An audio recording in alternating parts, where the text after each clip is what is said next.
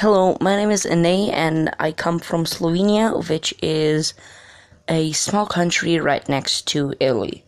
It's a really small country. I'm actually 11 years old and I don't have any ideas to do, so this is what I do.